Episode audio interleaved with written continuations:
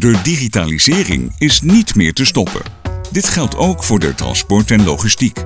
Het antwoord van en voor de markt hierop is de ECMR en het bijbehorende digitale platform Transfollow. In deze podcast gaat directeur van Beurtvaartadres Jurgen Henschens in op het waarom van de ECMR, hoe het is ontstaan en welke mooie beloften het heeft voor de hele Nederlandse en internationale supply chain. Een korte geschiedenisles met mooie kansen voor nu en de toekomst. Goeiedag, mijn naam is Jurgen Henschens. Ik ben de directeur van Beurtvaartadres. Waarom een ECMR? Dat is de vraag die ik eh, vandaag met jullie wil gaan beantwoorden. De introductie van de uitrol van, ECMR is, uh, van de ECMR is een hot topic in ons land. Grote verladers en vervoerders stappen over naar deze nieuwe manier van digitaal werken. Maar waar komt het idee van die ECMR nou eigenlijk vandaan? En welk probleem lossen we daar nou eigenlijk mee op? Wat waren de uitgangspunten toen wij de ECMR Transfollow gingen ontwikkelen? En wat is het belang van Transfollow voor Nederland? Dat zijn de vragen waarop ik in deze podcast een antwoord probeer te geven. Eerst wil ik nog even terug naar uh, hoe het idee voor de ECMR nou eigenlijk ontstaan is. Uh, dat is nou een echte Nederlandse uitvinding. Uh, het is voortgekomen uit een aantal organisaties uh, onder aanvoering van Evo Venedex en TLN.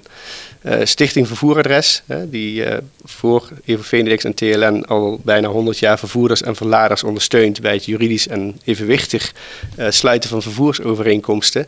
Samen met Beurtvaardadres, de organisatie waar ik zelf leiding aan geef en die al sinds jaren dag de behorende, bijbehorende documentatie uitgeeft. Hè. U kent het wel, het beurtvaartje wel genoemd uh, voor velen van u. Uh, die zijn bij elkaar gaan zitten en hebben bedacht dat eigenlijk het van de zotte is dat in deze tijd dit soort overeenkomsten tussen de verschillende partijen in de supply chain nog steeds op papier worden vastgelegd.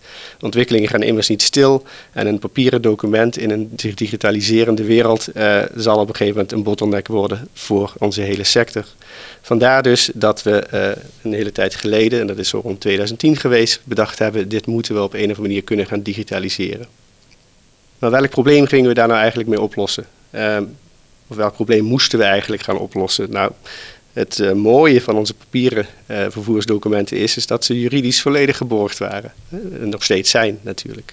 Dus op basis van die documenten wisten we precies hoe daar de verschillende instanties mee omgingen, hoe de partijen onderling daarmee omgaan. Maar op het moment dat je dat gaat digitaliseren, dan moet je er wel voor zorgen dat zo'n nieuw platform, zo'n digitaal platform, dezelfde juridische zekerheden geeft, zowel internationaal als nationaal. En dat dat ook geborgd is. Dus het was niet alleen een technische uitdaging om de ECMR Transfollow te gaan ontwikkelen, maar het was voornamelijk ook een politieke uitdaging. Hoe ga je ervoor zorgen dat uh, alle landen ook daadwerkelijk die uh, CMR, de ECMR, de digitale versie daarvan, uh, gaan accepteren. En dat ook de uitvoerende instanties, hè, dus bijvoorbeeld ILNT, die gewoon langs de weg staan met een inspecteur, ook het accepteren dat je een ECMR laat zien op een scherm in plaats van het oude vertrouwde beurtvaartje. Wat waren nou eigenlijk de uitgangspunten toen we dit uh, gingen ontwikkelen? Nou, er zijn er een aantal geweest die wij, um, uh, ja, die wij eigenlijk uh, als, als uitgangspunten op een rij hebben gezet. Een aantal, een aantal punten waarvan we zeiden, daar moet het platform wat we gaan ontwikkelen aan voldoen. Uh, ten eerste moest het complementair zijn aan de bestaande infrastructuur voor uh, alle bedrijven in onze supply chain. Het uh, schiet niet op op het moment dat je weer iets nieuws gaat ontwikkelen waar je dan met z'n allen weer op over moet en bestaande investeringen moet gaan afschrijven.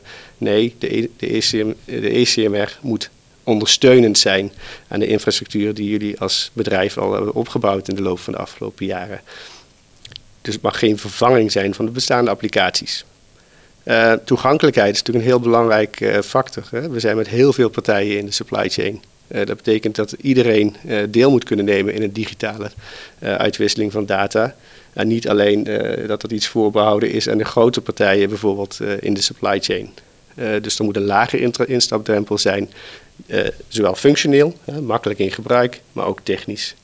En wat wij heel belangrijk vonden is dat het een neutraal platform wordt. Een platform dat door iedereen gebruikt wordt, waar geen dominante partij zeg maar, uh, de lakens uitdeelt. Uh, en het eigenaarschap dus liefst niet bij een commerciële partij ligt, maar bij de markt ligt. Zeg maar van de markt voor de markt. En dat is natuurlijk iets wat heel erg goed bij beurtvaartadres past. Want dat zijn we eigenlijk al meer dan 100, uh, bijna 100 jaar moet ik zeggen. Het eigenaarschap van de data moet ook gewaarborgd blijven. De data die in een ECMR verwerkt wordt, is natuurlijk van de partijen die samen die ECMR opstellen. Hij is niet van de overheid, hij is niet van beurtvaartadres. het is de data waar jullie zelf als partijen, uh, die jullie zelf als partijen genereren en die jullie zelf als partijen uitwisselen. En waar jullie dus ook zelf als eerste de profijt van moeten hebben. En dat is iets wat we nu, maar ook naar de toekomst toe, altijd zullen moeten blijven waarborgen. Toen we begonnen met de ontwikkeling van Transfollow, is, was dat niet iets wat we zelf uh, hebben bedacht achter de tekentafel. Uh, we hebben daar heel veel partijen bij betrokken. Het is uh, natuurlijk iets wat we samen hebben gedaan met Evo Venedex en TLN, die ons heel veel input konden geven van hun achterban hoe zo'n digitale variant van de CMR eruit zou moeten komen te zien. Uh, wat ik al zei, het eh, platform moest die juridische zekerheden waarborgen die ook de gewone papieren CMR eh, waarborgt. Maar het moest ook technisch functioneel natuurlijk goed aansluiten op al die systemen en de, processen die er al, in in, ja, al, al, zijn sinds jaar en dag in onze supply chains. Dat betekent dus ook dat we heel veel gesproken hebben met verschillende ICT-leveranciers. Hoe moet dat platform er nou uitzien? Hoe zorg je ervoor dat dat technisch uh, state-of-the-art kan aansluiten op de, op de producten die er al zijn? Um, en dat het ook toekomstvast is en dat het ook onderhoudbaar is voor al die verschillende partijen. Uh, we hebben natuurlijk ook gekeken naar uh, welke techniek ga je daar nou voor inzetten. Hè? Uh, instanties als TNO bijvoorbeeld hebben met ons meegekeken van hoe kun je dat platform nou op de beste manier opzetten om ook toekomstvast te zijn uh, in de jaren nadat je de eerste start hebt gemaakt met zo'n ECMR. En last but not least hebben we natuurlijk ook heel veel gekeken met overheidsinstellingen. Wat verwachten zij van zo'n platform? Wat, wat, hoe zien zij de toekomst van digitalisering van dit soort uh, data-uitwisseling voor zich? En hoe gaan we ervoor zorgen dat op het moment dat zij daar klaar voor zijn, we ook op een veilige manier data kunnen uitwisselen met de overheid?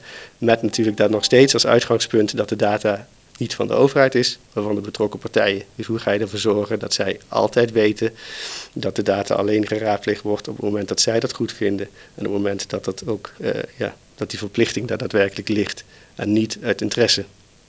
Daarnaast, misschien last but not least, hebben we natuurlijk de ECMR ontwikkeld samen met jullie. er zijn heel veel bedrijven die uh, in, de, in de eerste pilot samen met ons uh, ja, eerste testtrajecten zijn gaan optrekken, opzetten.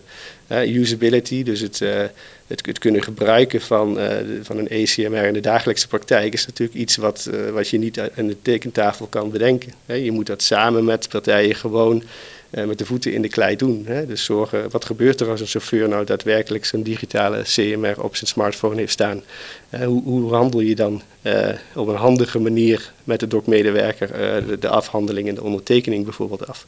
Nou, allemaal dingen die we in de praktijk hebben getoetst. Uh, in, in, heel veel verschillende pilots. En dat blijven we doen. Hè. Het is nog steeds zo dat we natuurlijk bezig zijn met de verdere ontwikkeling van het platform. En steeds weer terugkrijgen vanuit de markt. In alle verschillende deelgebieden waar de ECMR nu wordt uitgerold.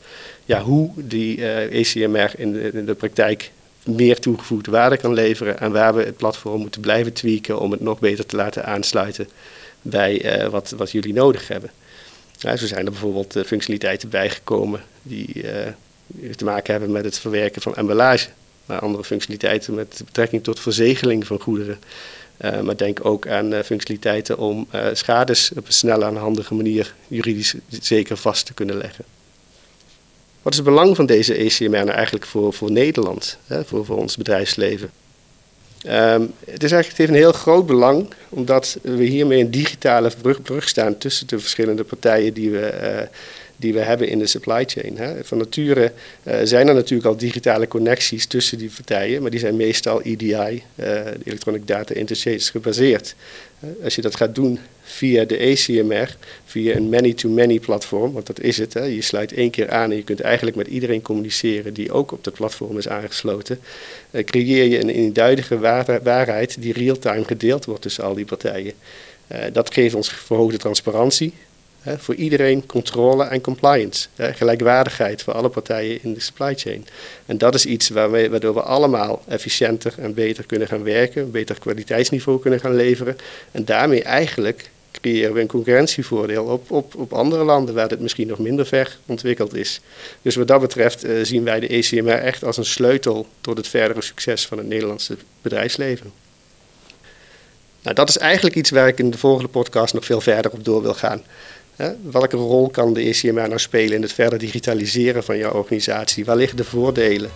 Ehm, wil je daar nu al meer van weten? Dan kan dat natuurlijk. Neem contact met ons op via www.buurtverderadres.nl en anders uh, luister de volgende podcast.